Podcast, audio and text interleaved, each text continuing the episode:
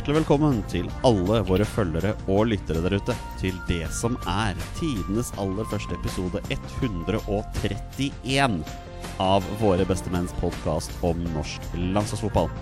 Mitt navn er Jonny Normann Olsen, og våre beste menn er tilbake i internettform, om du vil si det sånn. Vi er jo selvfølgelig eh, koronastøkk der vi sitter, vi også, men vi er med via det store internett. Og jeg caller nå i retning Oppsal til hverdagshelten fra Bogerud, Petter Hermansen. Er du til stede, Petter? Jeg er til stede, Olsen. Og Olsen, jeg må si det med en gang, gratulerer med overstått. Tusen hjertelig takk. Jeg ble som uh, ingen har fått med seg, uh, 36 år i går. Uh, jeg er halvveis til 72, Petter. Det svir kanskje mer enn at man nærmer seg 40. Eh, ja, men vi får ta Det blir en eh, heidundrende 40-årsfeiring om noen år, da. Det blir bra. Åh, det, den, den kommer til å gå gjetord om den bursdagsfeiringen der. Merk mine ord. Vi setter over i retning Bjerke travbane. Han er ikke ute og løper på grusen. Han sitter inne i sin stue. Det er rabagassen fra Raufoss. Torstein Nyland Børgo, god kveld, Torstein. God kveld, god kveld. Har, kan du se Bjerke travbane fra, ditt, eh, fra din leilighet? Null problem. Det er en bitte liten pasning. Hvis du ser ut vinduet her på Skypen, her, Ronny, så ser du Bjerke travane i bakgrunnen der. Har du sett på maken? Har, har du løpt banen ennå? Eh, Jeg vurderer å streake når det er Bjerke Grand Prix. Da må du filme samtidig mens du streaker. Ja, Da får jeg sikkert en solid bot òg, men eh, Ja. vi, vi er villige til å ofre mye for det. Ja, ja, det høres helt nydelig ut. Eh, Petter, ja, vi er i vi er i uke tre av den store nasjonale dugnaden i gåseøyne, som man gjerne kaller det når man er tvunget til å høre på det regjeringen sier og ikke har noe valg. Um, hvordan, eh, hvordan er ståa hjemme hos deg? Eh, jo da, det går vel, går vel ganske greit. Jeg er jo sammen med min lille datter, så det, det, det funker fint. Så lenge vi får lov til å bevege oss litt ute, så, så går det bra. Du, du sier jo konstant 'din lille datter', men hun er vel ikke liten lenger? Hun nærmer seg jo vel ett år? Nei, hun har passert et år. Ja, Om hun er, ja, ja det, det vet du alt om. Uh, hun er, Jeg var jo til er stede i bursdagen, tross alt. Hun er fortsatt liten, da. ja, hun er vel liten. Men hun skal vel begynne i barnehagen etter hvert? Barnehage til, til høsten igjen, vet du. Så det blir bra. Barnehage. Ja. Torstein, um, du er vel en av de Du er jo den eneste her som er i noe som kan kalles for jobb akkurat nå, men uh, barnehagen din uh, merker vel også til denne såkalte nasjonale dugnaden? Ja, definitivt. Eh, Det er ikke, er ikke veldig til trafikk, men selvfølgelig noen er det jo, som har noen foreldre som er i noen beredskapsjobber, skulle jeg si. Eh, Så da er vi, vi på plass med noen folk. Så det er jo Kall det vanlig arbeidstid, men ikke vanlig arbeidsdag, da. Hvis vi kan si det sånn. Så, men eh, tida går jo med på eh, Og når det er hjemme her, så er det jo Netflix som blir brukt mye til tida. Og nå er jeg snart ferdig med det sjukeste av det sjuke jeg har sett noen gang. Det er The Tiger King på Netflix. Altså, det er et fenomen som har blitt pratet på. Eh, og han fyren og det opplegget der, det er altså så spinnvilt at eh, ja, jeg mangler ord. Ja, det er mange som driver og snakker om det Tiger King-greiene der, så det er kanskje noe man må ta en titt på. Jeg så du fikk en terningkast seks i VG eller Dagbladet, så du anbefaler det, altså? Altså, jeg veit ikke om jeg skal anbefale Det det er helt sprøtt, da. Det er helt sinnssykt. Så ja, det er mye, mye rart å sette seg inn i. Men eh, ja, det blir den ferdig i dag, og så tror jeg vi begynner på Formel 1 i kveld. Og så er det jo Sutherland til I Die kommer i morgen. Og så på fredagen så kommer jo La Casa de Papel med fjerde sesongen. Så det er klart at eh, jeg ser ikke mye serier, men når det er eh, den tida vi er i nå, så sitter jeg pal, jeg, altså. Det høres ut på meg som Torstein Bjørgo savner livefotball eh, så til de grader, men det regner jeg med gjelder for Petter Hermansen også. Petter, hvor, på en skala fra 1 til 10, hvor mye savner du ball akkurat nå? Ja, Det er jo en soleklar tier, da. Ja, det er det. Det er klart det er det. Ja, det er, eh, det er vanskelig. Det er eh, Nei, det er, det er hardt. Det er, man ser hvor mye man elsker fotballen. Hva med deg, Torstein? På en skala fra 1 til 10, hvor mye savner du fotball? Nei, det er jo, det er jo faktisk sånn at en sånn helt seriøst vurderer å finne ei sånn streamingside fra Bulgaria og Hviterussland og bare se en kamp. Bare fordi det er et resultat du ikke veit om.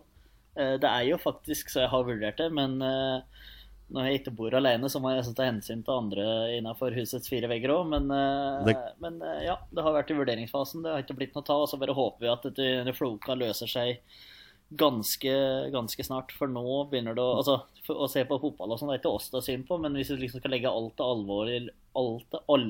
Ah, hører du, jeg klarer ikke å prate. Alt det alvorlig til side, så, så er, er savnet etter fotballen veldig stort. Og så må vi bare ønske riktig god bedring til alle som er involvert i dette her. Men eh, ja, vi savner fotball. Petter, er du klar for å finne en streamingside til obskøre østeuropeiske land for å få med deg fotball? Eh, nei, det, det kommer jeg nok ikke til å gjøre. Det kommer jeg ikke til å prioritere. Jeg tror heller bare Jeg skal bare glede meg til å, å dra på Valle og se, og se Vålinga. Det er det jeg gleder meg mest til. Ja, og Hvis det er noen som er usikker på hva han mener med Valle, så er det da Intility Arena han snakker om der, som er det offisielle navnet på hjemmebanen til, til Vålinga. Boys, uh, skal vi bare skal vi kjøre i gang på den for alvor, eller? Ja, la oss gjøre det. Kjør! Da gjør vi det. Da er vi å bite oss fast der, og så skårer vi ved Moi Elionossi! Det er jo seg slik at uh, fotballen som vi kjenner, er jo ikke død og begravet, men den er i hvert fall på en ganske solid pause, så det er veldig begrenset av hva vi får av landslagsnyheter. Men det dukker jaggu opp noe en gang iblant. Og Petter, det var du som serverte oss denne nyheten i dag, og det er jo at eh, Alexander Tetti, den tidligere landslagsdynamoen på midtbanen, han annonserte at han legger opp, men ikke når denne sesongen er ferdig, hvis denne sesongen i det hele tatt blir ferdig. Men han legger opp da etter neste sesong, dvs. Si at sommeren 2021 sier Tetti takk og farvel til eh, fotballkarrieren som vi kjenner den. Hva tenker du om det? Nei, det tenker jeg vel ikke så veldig mye om. Det er jo Kontrakten hans med Norwich går ut eh, neste sommer, og da ser han vel eh, det som fornuftig å gi seg. Han eh, sier at han ikke er aktuell for en retur til Norge pga. kunstgress. Eh, fordi at eh, spesielt det ene kneet hans tåler ikke den eh, belastninga. Så da er det kanskje like greit å bare, bare gi seg. Er det begrensa med, med gressbaner i breddefotballen oppe i Trøndelag, altså? Det er ikke noe sted han kan happe litt ball? Nei, den beste gressbanen oppi der er vel Lerkendal, vil jeg tro. Så da måtte han bare spilt hjemmekampene for Rosenborg eventuelt. Ja, men det hadde de sikkert fått til en, eh, en deal på, uten at jeg kjenner til reglementene for sånt. Um, Torstein, ditt uh, vi, skal ikke, vi, skal ikke, vi skal ikke begrave kar karrieren til Tetti helt ennå, men uh, hva, er ditt, hva er ditt beste minne fra fotballkarrieren til Alexander Tetti akkurat nå? Uh, han skårer Han skårer vel bortimot Italia der, gjør han ikke det?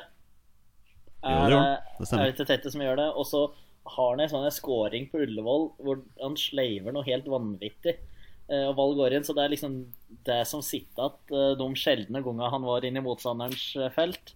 Eller så er det den eh, plogsmeden og jord, jordfreseren han er eh, bak på midten der, som, eh, som jeg husker han fra. Han la jo opp ganske tidlig på landslaget, eller ga seg tidlig på landslaget, relativt tidlig i hvert fall, på landslaget. Eh, Så det var jo litt synd at jeg mista han. og så gikk jo kontrakta seg egentlig ut etter denne sesongen, og så forlenga de det et år, og da er det nok. Og det, er, eh, det får være greit. Han har hatt en veldig fin karriere, og når du spiller i Premier League i en alder av 35 år, så er det imponerende, altså. Jeg tror den skåringa du tenker på, det er den mot Malta hvor han scorer med undersida av foten. En sånn Ja. absurd greie der. Ja, det var helt, eh, helt spesielt å se.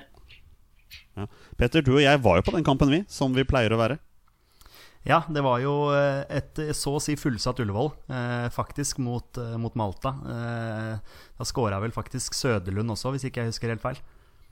Så Det- var, eh, ja. Det stemmer at han skårte 2-0. Ja. Det var også den kampen hvor eh, Martin Ødegaard skåret sitt første landslagsmål for Norge. Det vil si, det var det vi trodde han gjorde når han satte den gigantsjansen utenfor der. Vi, vi sto jo bak mål der, eh, Petter, og trodde ikke helt det vi så, egentlig, når eh, unge Ødegaard bomma den. Ja, det var den kampen, ja. ja riktig. Ja, Det var den ja, kampen, var, ja. Eh, Den, den var jo Den må ha gått igjennom nettet, faktisk. Det er jeg ganske sikker på at det var målet. Ja, det var noe med det. Ikke sant? Ehm, så det var Tetti. Vi, vi, hopper videre til, uh, vi hopper videre til Alexander Sørloth, mine herrer. Han har vært gjest i, i en annen podkast, i Premier League-podkasten med Kasper Vikstad. Han forteller nå om den, eh, om den vonde tida si i Crystal Palace, og at han syns det er fryktelig urettferdig at han ikke fikk mer tillit enn det han eh, enn det han gjorde. Han fortalte også om at det var ganske mye kluss rundt den overgangen fra Midtjylland til Crystal Palace det, altså, To uker før overgangsvinduet stengte den gangen, så var Midtjylland på vei til Dubai på treningsleir. Men da ringte agenten hans og sa at Crystal Palace var interessert, og at han da måtte snu ganske kjapt og ta et fly til London. Og da han landet i London, så fikk han beskjed om at klubbene ikke var enige likevel. At det ikke blei noen overgang. Så det ble veldig mye kluss fram og tilbake der helt til slutt at det endte med en overgang. Men Petter, vi som har fulgt med på hans tid i Crystal Palace, vi kan vel være enige om at det har ikke vært en drømme, drømmeovergang for han foreløpig, i hvert fall. Nei, foreløpig har du ikke det. Får håpe at han har bygd opp eh, såpass god selvtillit nå at han eh, kan ta med seg den tilbake til England eh, når den tid eventuelt kommer, da. Torstein, um, du som er Premier League-eksperten her i Våre bestemenn. Har du trua på at Alexander Sørloth har en framtid i Crystal Palace når låneavtalen med Trabzonspor eventuelt går ut? Nå har det seg slik at han har en Eller han har ikke, men Trabzonspor har jo en klausul på å kjøpe han hvis de ønsker det. Ja, han har jo vanvittig gode, eh, gode argumenter for å få spille til Crystal Palace nå. Eh, han har levert en hel sesong i Tyrkia. Eh, og så har vi pratet på før hvor uheldig i hvert fall jeg syns han har vært i Crystal Palace. Han kunne jo han spilte bra og var på kanten i noen kamper mot noe topplag. Og han har feilaktig andeling mot Chelsea der, så han, vi har pratet på det veldig mye før hvor uheldig han i tillegg var. da så at han har muligheten, for all del. Men eh, at det skal skje hm, Jeg er litt i tvil eh, på det altså. Men han har i hvert fall levert til Tyrkia, som viser at han ikke har glemt hvordan han skårer mål. i hvert fall. Det er noe veldig viktig. Og så kan det være andre fine ligaer å spille i en toppdivisjon i England òg, sjøl om det selvsagt er målet. Så går det an å, det an å lykkes andre steder i Europa òg. Kanskje Petter, kanskje Leeds sniker seg til en overgang for Sørloth her i sommervinduet når de rykker opp til Premier League? Hvis, eh, hvis, Leeds går opp, så eh, tar jeg Sørloth eh, foran Bamford, ja. Absolutt. Ja. Selv om Bamford presterte lite grann, i hvert fall, på slutten før vi tok en pause her. Ja, det var dine ord. Ja, det, det var mine ord. Uh, en annen person som har sine ord i behold, det er tidligere landslagssjef Nils Johan Semb. Og han, han har kommet med en svært interessant påstand i dag. Uh, påstanden Petter en lyd som følger. Det har aldri sett bedre ut i norsk landslagsfotball enn det gjør akkurat nå. Dine umiddelbare tanker? Eh, akkurat nå mm, Det har aldri sett bedre ut.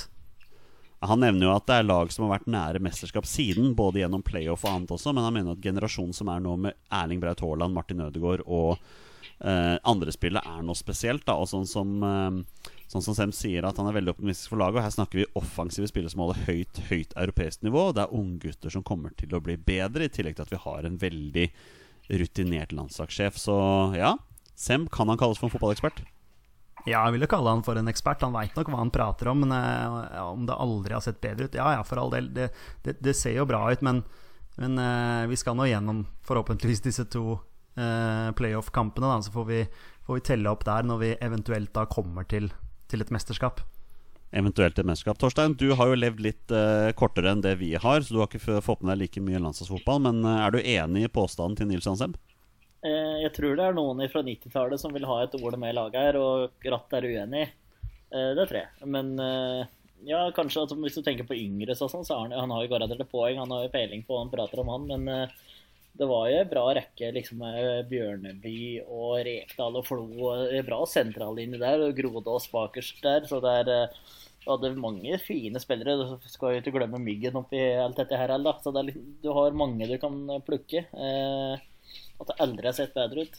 Ja, jeg, jeg vet ikke, men eh, det er klart når en som herjer for et lag som ligger, eller kjemper om Champions League-plass i La Liga, og en som ikke vet hva det vil si å ha mål, måltørke i Bundesligaen. Så ja, de to leverer jo virkelig, men jeg tror vi nok må vente litt til før vi sier at det aldri har sett bedre ut.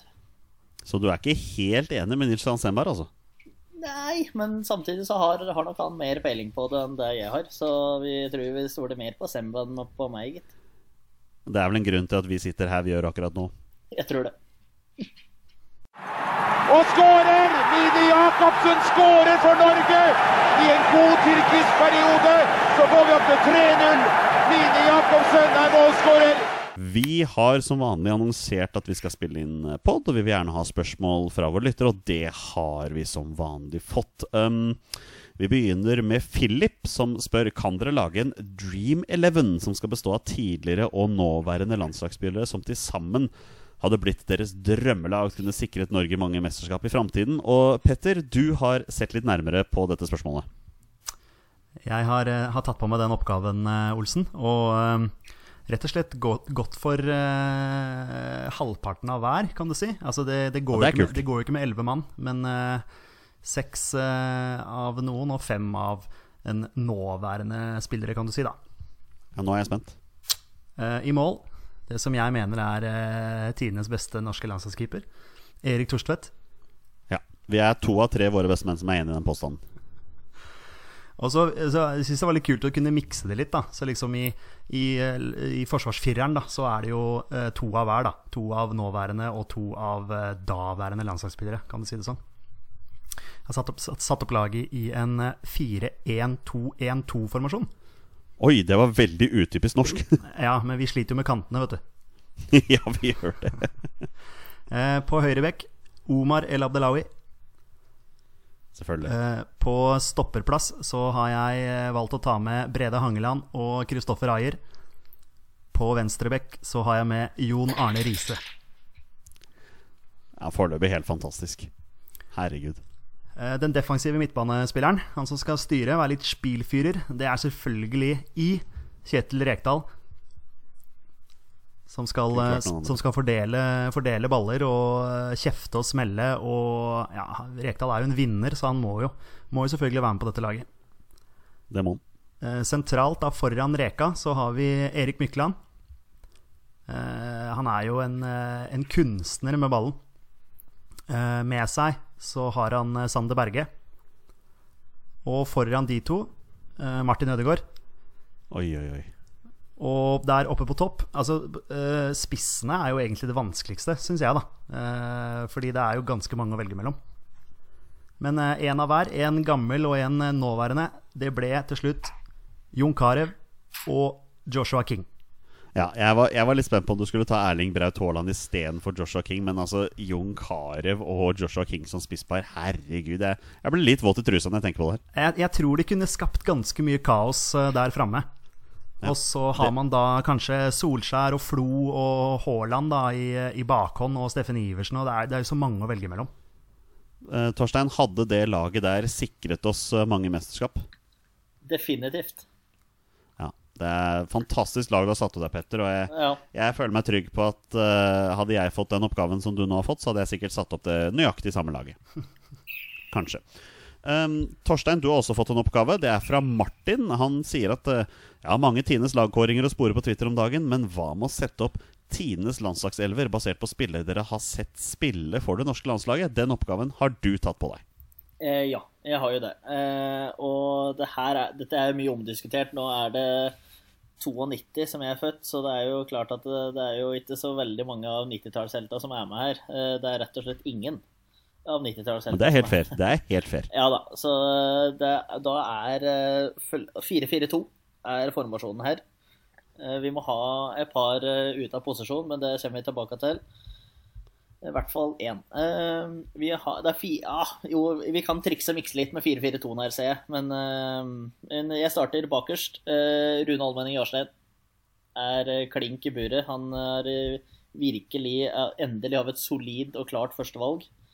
Og han, altså, det har vært mye famling med Oppdal og Thomas Myhre og Jon Knutsen og Ørjan Nyland og det ene med det andre, men nå er det en klink nummer én, og det er Jarstein. Eh, en annen en som er klink, er Omar El Abdelawi. Altså, jeg har ikke vært på altfor mange landskamper, men eh, jeg kan ikke komme på så veldig mange andre bedre høyrebacker vi har hatt. Nå greit, Gunnar Halle vil sikkert ha et ord med i laget her, men han har ikke jeg sett, så det, da sliter jeg med å ha han med. Eh, Midtstopperparet består av Brede Hangeland og Tore Reginiussen. Eh, Det er et eh, ganske solid midtstopperpar, vil jeg si. Eh, Og venstrebacken Du kommer ikke utenom Jon Arne Riise. Du skal argumentere godt, skal du komme på noen andre der i den, eh, den perioden jeg prater om her. Eh, En som ble brukt litt til høyre på midten under Åge Hareide, er jo Steffen Iversen. Han skal jeg ha med på dette laget her. Han har faktisk en ganske fenomenal landslags, landslagskarriere. Eh, og skåra så mye mål eh, til å ha spilt eh, så mye ut av posisjon. Det er veldig imponerende. Og i disse retrotider så er det vært noe norsk fotball å spore òg. Og Ivers er ofte med på Jeg ser han putter to borte mot Valencia på Mestalla der. Han skårer mot Brann i Bergen og Rosenborg sikrer gullet der. Han er, han er en spiller for de store anledninger, og Ivers skal være med på dette laget her. Sentral på midten vi skal, ha, vi skal nok ha en offensiv her, det er Martin Ødegaard. Eh, han må faktisk være med, for han er en sensasjon uten like. Eh, bak på midten der så er det Altså, jeg hørte jo på eh, Premier League-podkastet TV 2, og der hadde de One Season Wonders-kåring. Og her skal vi ha med en One Season Wonder her òg, egentlig. Jeg skal ha med Kristoffer Hæstad. Så- One det- season wonder. ja, nei, men, det, det, det, men det, han har jo ingen stor landslagskarriere. Men måten han kler av Andrea Pirlo mot Italia på Ullevål der, det er nesten ene og alene grunnen til å få vært med på dette laget som jeg satte opp. Det var eh, helt enormt. Kunne, her kunne vi hatt med mange, eh, men Kristoffer Hestad fikk plassen. Eh, på venstrekanten skal vi ha med Morten Galms Pedersen. Eh, en vanvittig fot. Eh, og han fikk mye kjeft på slutten av landslagskarrieren sin. Eh, noe fortjent, noe ufortjent. Men eh, eh, altså topp, høyeste kvaliteten til Gamsen er det et, den venstresida med Riise og Gams der. Du har et solid venstreben der, altså. Og da er vi farlige på dødballer òg. Også på topp så skal vi ha Jon Carew. Eh, En av de beste kampene jeg har sett av en enkeltspiller, er når han eh, slår Argentina alene på Ullevål. Eh, Det var helt vanvittig hvor bra han var. Og spissmaker sto jeg faktisk mellom Joshua King og Moa. Men jeg landa på Joshua King, selvfølgelig. Så da Der har du laget. Kristoffer Hæstad er nok den som blir skapen litt diskusjoner her, men ja. Det var laget. Tusen takk for et fantastisk lag, Torstein. Petter, det så ut som du hadde noe du ville si underveis der. Nei, altså, det er bare, jeg sitter bare og tenker på eh, vår, vår elsk til Omar El Abdelawi. Så jeg lurte egentlig bare på om det, om det er lov å si at vi elsker Omar. Ja, vi elsker Omar. Ja. Det er nesten, nesten starten på det ukjente tolvte verset i Ja, vi elsker der. Hørtes nesten ut som. Um, flere spørsmål videre. Tommy Nordahl lurer på, Petter, hvordan går CM0102-karrieren din? Eh, jo, jeg eh, holdt på å si børsta støv av CM0102. Det går jo an å laste den gratis. Eh, og det er jo nostalgi eh, til 1000. Det er jo så gøy å spille det spillet. Du, jeg starta en save med, med Leeds og, og vant eh, Premier League første sesongen. Eh, det skulle nesten egentlig bare mangle, fordi Leeds hadde et fantastisk lag på den tiden der. Helt spinnvilt, egentlig. Ja, ja, ja, helt vilt, og det var utrolig gøy. Eh, og så starta jeg opp igjen med, med Vålerenga, som jeg driver og, og leker meg litt med nå. Så det, det går veldig bra. Jeg koser meg. Ja, det er knall. Eh, Tommy lurer også på om det er flere CM-FM-entusiaster blant dere. Eh, Torstein, hvordan er ditt forhold til sånne spill? Eh, Det er eh, Forholdet er sterkt, går det an å si det? Ja, det går an å si det. Eh, Ja, det er lov. Men eh, det har dabba av ettersom eh, jeg hadde jo Xbox og PlayStation 1 lenge, og da ble det veldig, veldig dårlig kvalitet på, så da var det FM-kjør ganske lang periode før jeg fikk oppgradert eh, spillmaskina, og da har det vært i Fifa de senere år. Men eh, FM, vi slutta vel å spille FM i 2012, tror jeg, eh, og jeg har noe helt vanvittig gode minner med det. Det er noe LAN og litt der som er eh, morsomme, og noen karriere med spesielt Raufoss er uh, veldig morsomt å være der. Og det var litt artig når vi var juniorer, vi òg, så lagde vi oss sjøl og sendte inn til uh, Sports Interactive, er det ikke som vet her, og vi ble godkjent. Det var Eidos på den tida der, faktisk. Jeg lurer på om det var Eidos.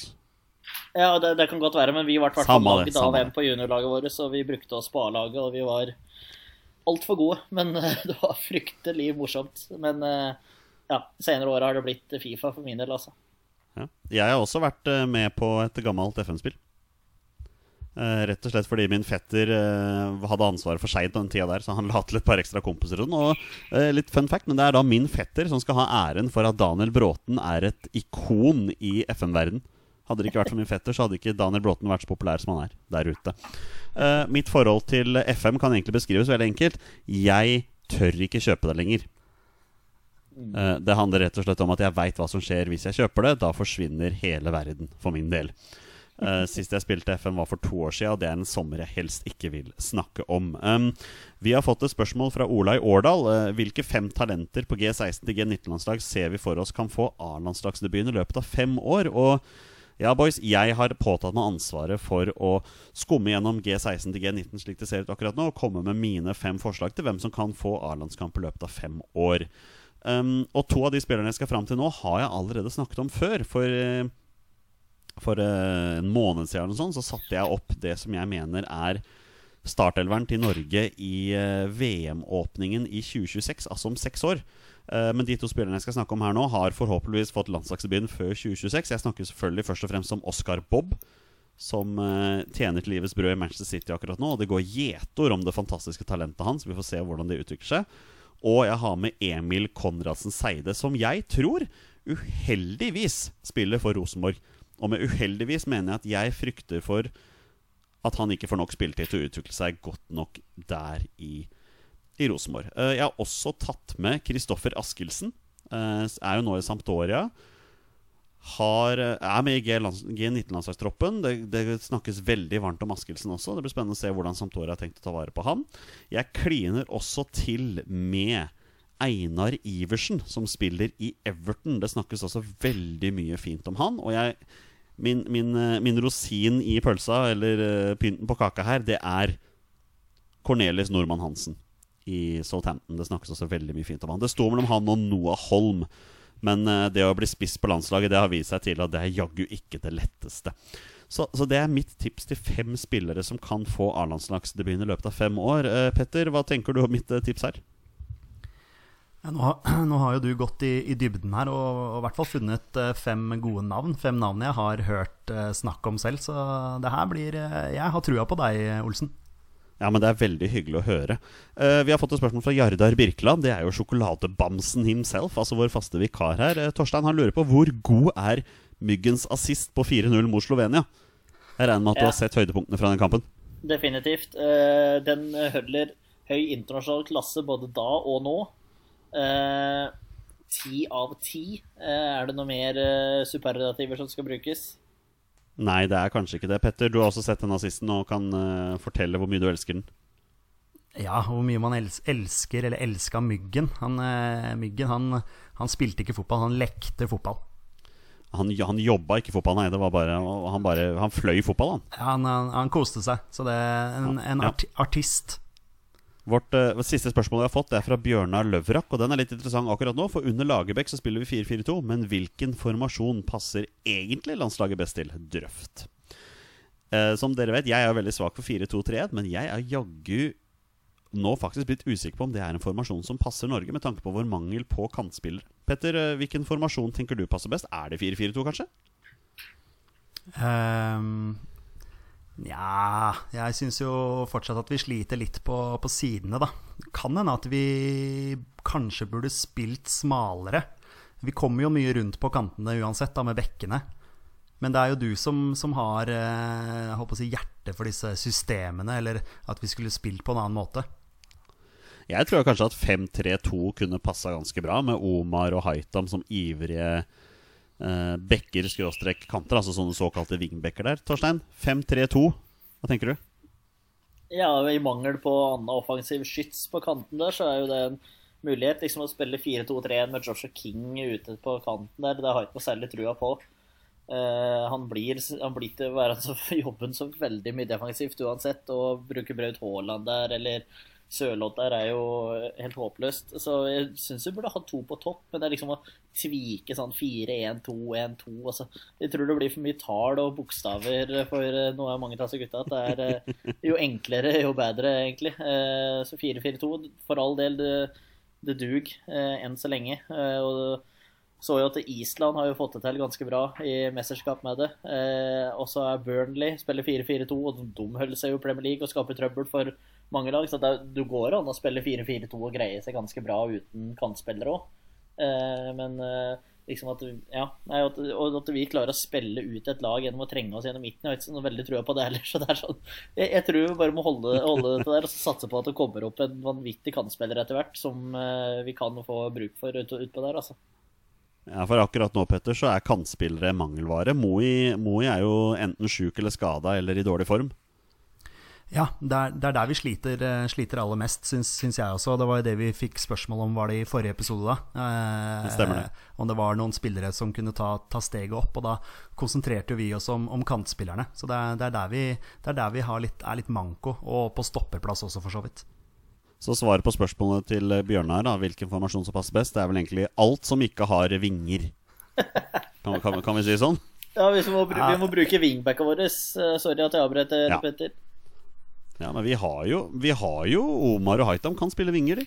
Kan spille wingbacker, de. Helt nydelig. Ja, og det funka veldig bra. Altså, hvem var det? Var det mot Spania, tru? Altså, de måtte jo bli vanvittig slitne. Det var jo turbo opp og ned på sida der, så det var eh, Ja. veldig, veldig bra. De holder i 90 minutter mot en toppnasjon, så at de eh, har nok trøkk i beina til å klare å flyge i 90 minutter om, altså.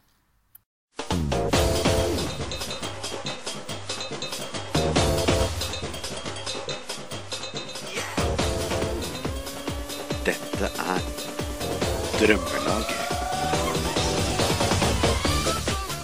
Da er det på tide med en ny utgave av en spalte som vi ikke bruker veldig ofte, men vi bruker den en gang iblant, og det er da Drømmelaget, hvor vi enten har en gjest som har satt opp et lag, eller en av oss i det faste panelet har satt opp et lag som har et tema som kan tilknyttes til norsk landslagsfotball. Og Petter, nå er det seg slik at det er min tur denne gangen, for du og Torstein har tidligere kommet med deres drømmelag, og vi, vi følger jo en slags rekkefølge her, så det er, det er jeg som har laget i dag. Er du, er du spent på hva jeg har kokt sammen i dag? Du, det er jeg veldig spent på. Du, eh, du er jo en kreativ eh, sjel, så det her gleder jeg meg til. Eh, Torstein, det laget jeg har satt sammen i dag, det er det, det har kommet etter en idé som du startet med ditt drømmelag. Uh, husker du hva ditt tema for drømmelaget ditt sist var? Uh, har du lands... Eller ha, hadde, har du Landskamp FC med litt overraskende stemme eller et eller annet sånt Ja, nå? ja. Det stemmer, det stemmer. Du hadde et slags 'Hæ, har han landskamp FC'? Ja. Uh, her er eh, mitt lag i dag. Det kalles da 'Hæ, har du U21-landskamp FC'?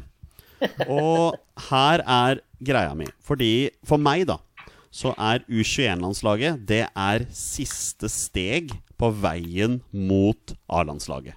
ja. For meg er det sånn at har du en plass på U21-landslaget, så skal du i utgangspunktet være nesten så nærme A-landslaget som det går an å få i ung alder. Men det jeg har gjort i dag, jeg har satt sammen en elver pluss en benk med spillere som har U21-landskamp for Norge, og som aldri i sin karriere var i nærheten av noe som kan kalles for A-landslag. Så det er ikke det er, det er, Jeg har ikke tenkt å slakte disse spillerne. Flere av disse spillerne her har faktisk helt kurante karrierer bak seg i norsk fotball. Jeg ser til og med at jeg har én aktiv spiller på jeg, Unnskyld, jeg har to aktive spillere på laget mitt her. Eh, Men det er da spillere som, på tross av at de kanskje har hatt en kurant karriere, aldri har vært i nærheten av A-landslaget. Aldri. Er dere, er dere klar for dette laget her? Ja. Eh, Jeg har da satt opp laget mitt i en 5-3-2-versjon. Det er morsomt når vi snakker om wingbacker her, for jeg har to wingbacker. Um, så var det dette med keeper, da. Keeper. Hvilke keepere har egentlig hatt U21-landslagskamper? Og det er faktisk flere som har hatt det.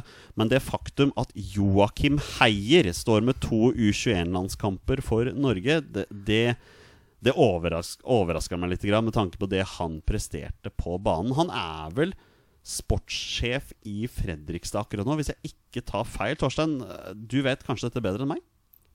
Nei, det gjør jeg ikke, for dette var eh, et navn som ligger langt bak i hjernerota mi, som jeg ikke klarer å Ja. dra fram akkurat nå. Så, men jeg har hørt navnet. Det har jeg gjort, men eh, han hadde ikke klart å plassert uansett. Altså, jeg tror du må spørre det rette spørsmålet ditt Oppsal. Ja, Petter, du, du har vel kanskje et annerledes forhold til Joakim Heier enn det, enn det Torstein har? Kjenner godt til eh, Joakim Heier og hans uh, fotballkarriere. Han uh, har vel aldri overbevist meg som keeper, nei. Nei. Um, jeg bare går rett og slett videre. Vi har noen wingbacker her. På høyre bekk så har vi da Jon Helge Tveita, som står med to U21-landskamp for Norge. Og han er jo en av de to på det laget her som fortsatt har en aktiv karriere. Nei, unnskyld. Tre stykker hvis jeg tar med benken. Um, Jon Helge han er, en, han er vel solgt til Brann. Jeg mener han ble solgt til Brann nå i i vinter. Og han er jo selve prototypen på en helt kurant eliteseriespiller. Men Petter, aldri har vel Jon Helge Tveita vært i nærheten av noe man kan forbinde med A-landslagsfotball? Eh, nei, uh, det kommer han sannsynligvis ikke til å, til å være heller. Nei, da ble jeg veldig overraska. En annen spiller som overhodet aldri var i nærheten av A-landslagsfotball, det er hans makker på på motsatt wingback på venstre, det er Andreas Norvik med syv U21-landskamper der. Eh, Petter, han er jo tidligere Vålerenga-gutt, men eh, så du deg noen gang foran han i rødt, hvitt og blått på Ullevål når A-landslaget spilte ball? Nei, overhodet ikke. Det eneste jeg forbinder med Andreas Norvik, var da han eh, dytta en eller annen Molde-spiller i eh, cupen, det var vel semifinalen på Aker stadion, eh, Molde-Vålerenga, hvor han eh, pådrar seg rødt kort. Eh, så Det er vel det eneste jeg forbinder med Andreas Norvik. Ja, det stemmer. Han hadde vel et eller annet lite utenlandsopphold der også, men så vidt jeg veit, så har han gitt seg make til fotball. Eh, jeg har en trio av midtstoppere her. Det er eh, tre interessante navn. Eh, jeg begynner med den i midten. Og Torstein, dette er et navn du kjenner svært godt. Fordi Bakers, han som skal regjere bakerst her, han har, hold på hatten, 34 U21-landskamper for Norge. Han ble sett på som et kjempestort talent som skulle ta verden med storm. Men det blei aldri noe av den strålende karrieren til Christian Flittig Onsdag. Å, fy fader, Jonny. Har det med han, ja?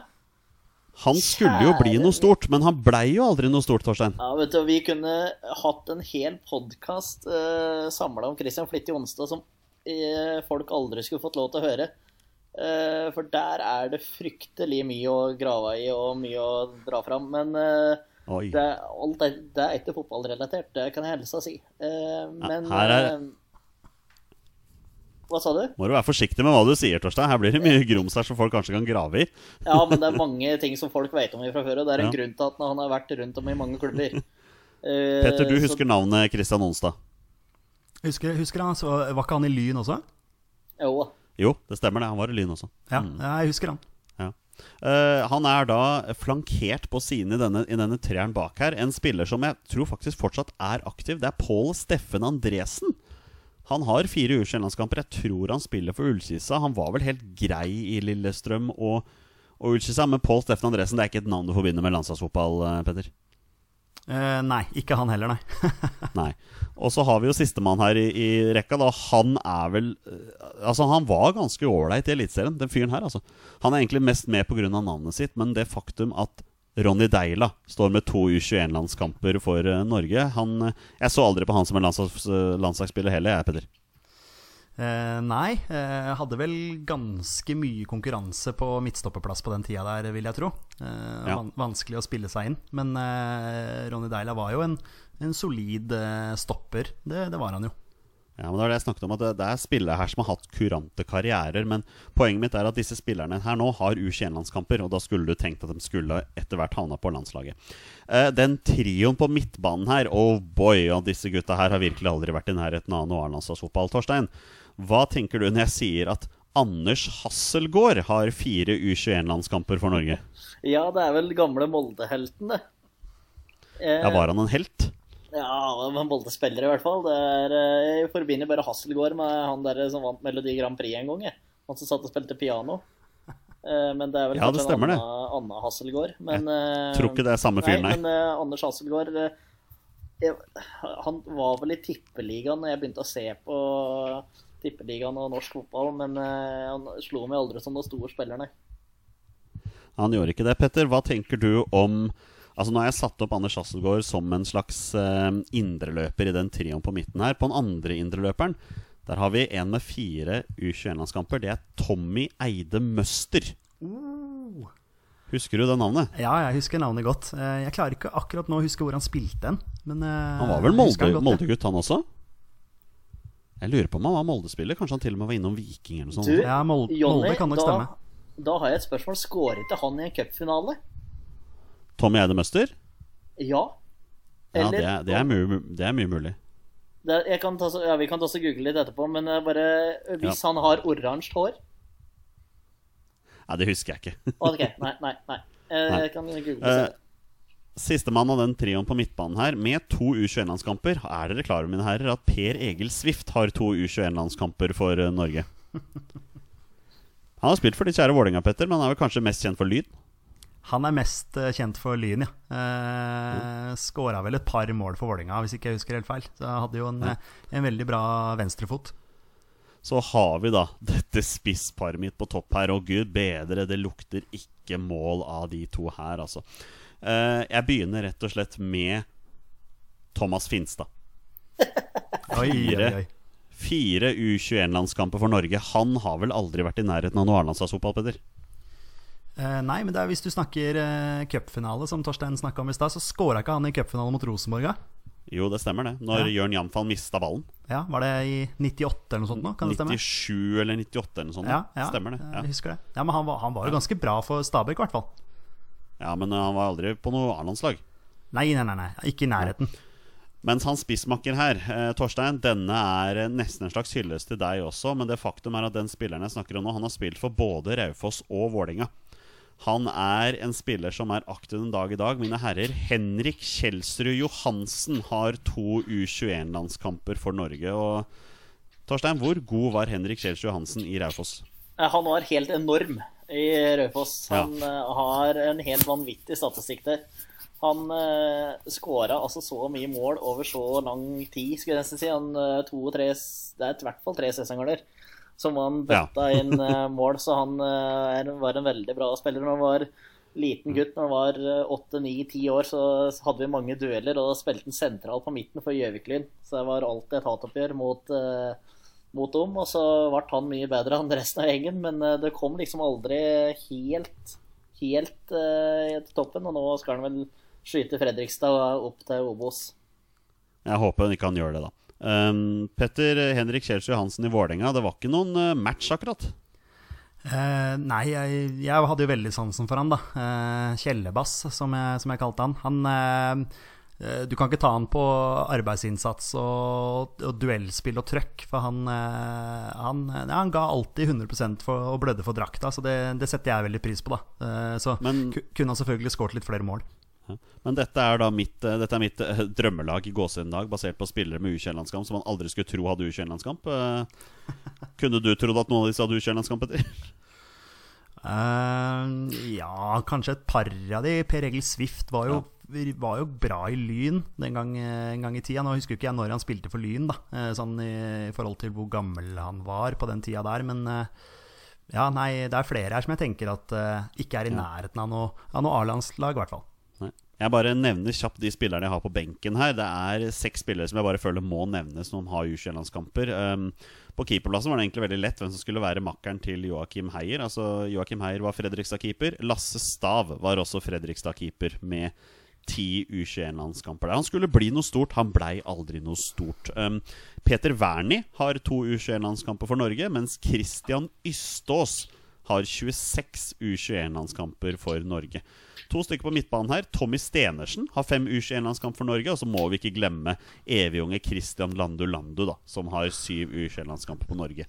Så hvem er backup-spissen til Henrik Kjelsrud Johansen og Thomas Finstad på laget her? Jo da, det er Olav Tuelo Johannessen med åtte U21-landskamper der. Han skulle bli noe stort, han Petter, men det ble ikke noe, han heller. Ja, han skulle jo virkelig bli det helt store.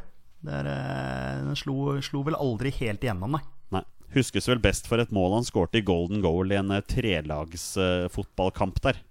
Ja, det var vel eh, da Johan Golden eh, Var det ikke han som sa det at eh, hvis Martin Andresen eller noen andre fra Vålinga er her, så kjøp den spilleren, eller et eller annet sånt noe. Ja. Men Petter, Martin Andresen kjøpte aldri den spilleren. Nei, det kanskje han angrer.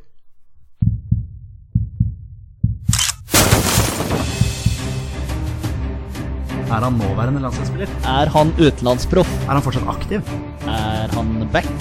Har han spilt for Rosenborg? Damer og herrer, det er nå tid for 20 spørsmål.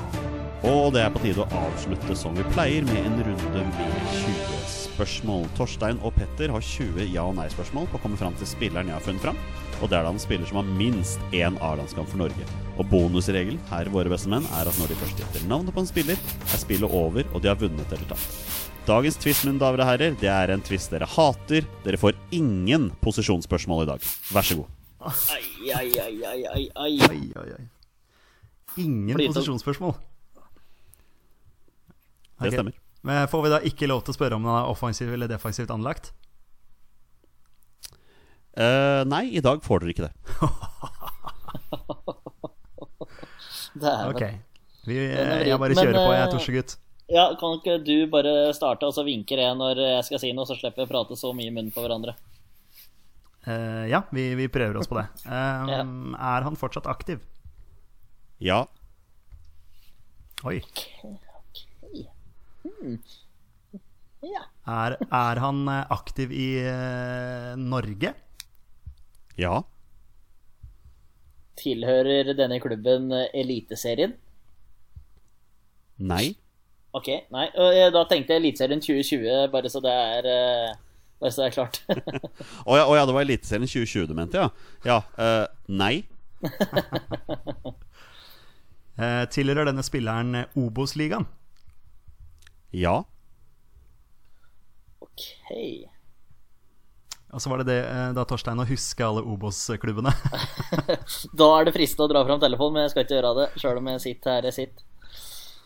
Eh, skal vi se uh, Hvor er det vi har alle lagene? Vi har jo mange i, eh, på Østlandet her, da. Det er jo, der kan vi jo fort begynne å plukke litt. Så tilhører denne klubben her Østlandet? Ja. Ok, og da er det å finne fram hvem vi har, for vi har jo Ja, Petter? Det er jo fort gjort å tenke Lillestrøm her. Veldig fort gjort. Eh, når vi har både Østlandet, men aktiv. Er det Frode, Frode Kippe har vel gitt seg nå. Ja. Men jeg tror, jeg tror rett og slett bare vi må finne klubb, ja. Eh, Ja. Du har Lillestrøm, du har Strømmen, du har eh, Kongsvinger. Eh, Ullkisa. ja. Jeg føler dere har gått igjennom hele rekkefølgen med østlandslaget i Obos-ligaen før. Ja, vi har det med Hang Hai Nok Tran. Eh, men eh, Raufoss, Ullkisa og Lillestrøm har jo gule drakter, så vi kan jo spørre der. Eh, har denne klubben denne spilleren, denne spilleren spiller for, eh, har den gule drakter? Nei. Hva med, hva med HamKam? Ja, HamKam er jo de har hvite drakter. Hvite og grønne, da, men skal vi se, er det noe vi kan ha med der, da? Men, men, men spiller Vågan Moen fortsatt? Han mener jeg har gitt seg etter en liten splid eh, i Hamar. Ok. Ja, han er i hvert fall den første jeg tenker på når det kommer til HamKam. Ja. Uh, uh, har han spilt for Brann? Nei. Bare- Ja, ja, ja, det måtte bare. Skal vi se hvilke klubber Ja. Da kan jeg i hvert fall legge han bort. ja, det kan det. Uh, skal vi se Da har vi hatt uh, HamKam og Strømmen. Har vi jo fortsatt hatt. Kongsvinger har vi jo hatt. Uh, skal vi høre om å spille for en av de tre klubba, eller? Uh, spiller han for enten HamKam, Kongsvinger eller Strømmen? Nei. Fankeren, det er, det er en klubb Grorud, da. Grorud er jo gule, de òg, men Oi, har de... eh, Ja, ja. Jeg, jeg, jeg, jeg tror ikke jeg kan en eneste spiller på Grorud. Bare sånn Nei. eh, Nei, at vi spurte om, men vi spurte om denne klubben hadde gule drakter, og det har jo Grorud. Ja, for de er gule og blå, de, eller noe sånt noe. Ja, tror det. Ja, ja, de er gule. Ja. Eh, hvilke flere Obos-lag er det vi har da, i nærheten her? Det var jo du som kom på Kongsvinger sist, Petter. ja men de, de har vi utelukka? Du var utelukka, for jeg spurte HamKam, Kongsvinger eller Strømmen, og da svaret var nei. Og vi har utelukka No- de eh, gule. Notod- Notodden, Ja, de har de ikke rykka ned, de. de rykka fort ned, de. No eller? ja. Eller var det de som berga seg? Nei. Ja, det var noen som berga seg i en kvalik her, mot et eller annet lag. Var det et spørsmål? Ja, men Det er det der å huske hvilke klubber man har i Obos, da. Det er, eh, Ja, det er jo ja, gørint. det er ikke så lett å, å huske det. Men eh, Notodden, hvis de fortsatt er der Jeg har ikke Dere kan jo spørre om eh, tidligere klubber for denne spilleren også. Ja, men du bør helst finne ut hvilken klubb hun spiller for nå først, egentlig. Ja. Men hvis dere er- blir sittende og henge dere veldig opp i det, tenker jeg. Ja, sånn, ja. Ehm, ja, nei, jeg kommer ikke på uh, Jeg klarer ikke akkurat her og nå å komme på uh, noen Altså, hvem, hvilken spiller skulle det vært eventuelt hvis han uh, har spilt for Notodden? Altså, Jeg vet Magne Hoseth har jo spilt der, men han er jo ikke der lenger nå. man, er, er det, tror du det er en som har mange landskamper, da? Nei, det kan Ja, det kan jo fort være. Kan du spørre om det, da? Ja, skal vi kjøre ti, liksom? Altså Ja, det er grei, eh, greit å starte der. eh, Jonny, har denne spilleren ti eller flere landskamper? Nei. Sant? Det, det, det ante meg. Ja. Skal vi se Ja. For dette her Hvor- kan hvor- være en uh, Men uh, han eh, As Nei, Asker er ikke i Obos, nei. Var det et spørsmål? Nei, jeg bare spør, hører, hører med Petter om han vet om Asker er i Obos. Uh, nei, det vet, jeg vet ikke. Jeg skal, jeg skal være helt ærlig. Jeg, jeg, jeg følger ikke så godt med på hvem som går opp og ned der. Uh, jeg får med meg hvem som rykker ned fra Eliteserien. Men uh, For jeg hvem som går på, opp jeg tenkte på Thomas Sokolowski. Ja, han spiller kanskje fortsatt. Han har i hvert fall spilt i Asker. Eh, Jonny, har han her spilt i Lyn? Nei. Ok, greit. Da er det ikke Det er ti, så da er dere halvveis. Da er det ikke Thomas Sokolowski. Men altså Han, ha, han har ja, Han kan jo selvfølgelig ha ni landskamper. Eh, Vil det hjelpe hvis dere fortsetter å spørre om draktfarger? Men det er det der å, å huske uh, Koffa? Ja, Koffa, ja. Daniel Fredheim Holm. Ha, han, har, han har ikke gitt seg? Nei, han spiller. Uh, kanskje har han der? Ja, Skal vi bare prøve med en gang? Ja. Har han spilt for Skeid og Vålerenga? Ja. Ja, men det, er, det er det, vet du. Fordi vi, altså når vi ikke klarer å komme på Koffa, Ja. da, da, da skjønner du at, du at det er koronaen herjer. Har han spilt for Rosenborg og Aalborg? Ja. Skåra han to mål i cupfinalen for Vålerenga mot Stabæk? Ja. Da er det det, Moa. er det Daniel Fredheim Holm? Gutter? Det er Daniel Fredheim Holm. Ja. Det er helt riktig. Konge. Det var, det var, nesten, det var nesten så jeg håpa på at Petter skulle stille meg spørsmålet Har han hele verden i sin hånd. Men det, det spørsmålet kom liksom aldri. Så Den, den, den burde jeg tatt, faktisk. det. Nei, det er, det er helt sant, det. Han, eh, han har spilt for Skeid og Vålerenga. Petter, hvor mange, hvor mange kamper har Daniel Fredheim Holm for Vålerenga? Oi, nei, det, det, det, det, tør, det tør jeg ikke å tippe, Jonny. Nei, Torstein, hvor mange kamper tror du Daniel Fredheim Holm har for Vålerenga? Uh, 120. Uh, Daniel Fredheim Holm har 284 kamper for Vålerenga, faktisk. Kjære vene. Så det er ikke så gærent. Han har faktisk flere kamper for Rosenborg enn han har for Skeid. Han har 61 kamper for Skeid, han har 63 kamper for Rosenborg. Bare tenk hvor mange kamper han kunne potensielt hatt for Vålinga hvis han ikke var skada hele tida. Ja, og vært litt mer seriøs på treningsfeltet, men det, er, eh, det er, trenger ikke jeg snakke så veldig høyt om. Eh, Hvor mange landskamper fikk eh, Daniel Fredheim Holm, Peder? To. Torstein? Da sier jeg tre. Han fikk tre landskamper for Norge. Det er du helt riktig. Hans første, første landskamp var i 2007, og jeg har dessverre ikke nå akkurat nå oversikten over når han fikk sin, eh, sine to siste der. Men det er klart, det er Daniel Fredheim Holm. Han, har, han blir faktisk 35 år nå i juli. Så du har liksom hørt om han siden han begynte å herje Skeid tilbake i 2002. Altså.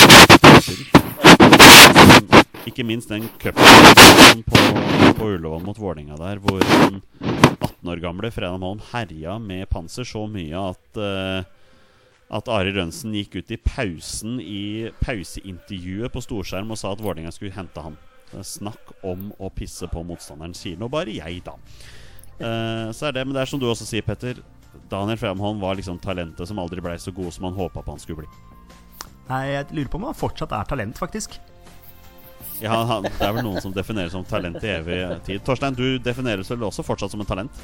Ja, det vil jeg da si. Karrieren er ikke over. Jeg driver og psyker meg opp sammen med han Gareth McAuley fortsatt. Jeg vet jo, Han slo ikke gjennom før han var 27-28 år, så jeg har jo noen måneder fortsatt på meg. Det hadde vært eh, Ingenting hadde gleda meg mer enn hvis Torstein Børge hadde slått igjennom som fotballspiller i en alder av 28 år. Det hadde vært helt. Eh, men det er det på tide å avslutte dagens episode. Takk til alle dere som hører på. Vi har funnet ut at til tross for at det er såkalt påskeferie i gåseøynene neste uke, så er vi tilbake. Det blir en pod neste uke også. Det gleder vi oss veldig mye til. Så da er det bare å avslutte sånn som vi pleier. Vi er våre beste menn. Heia Norge. Heia Norge. Heia Norge. Og hei! Hei.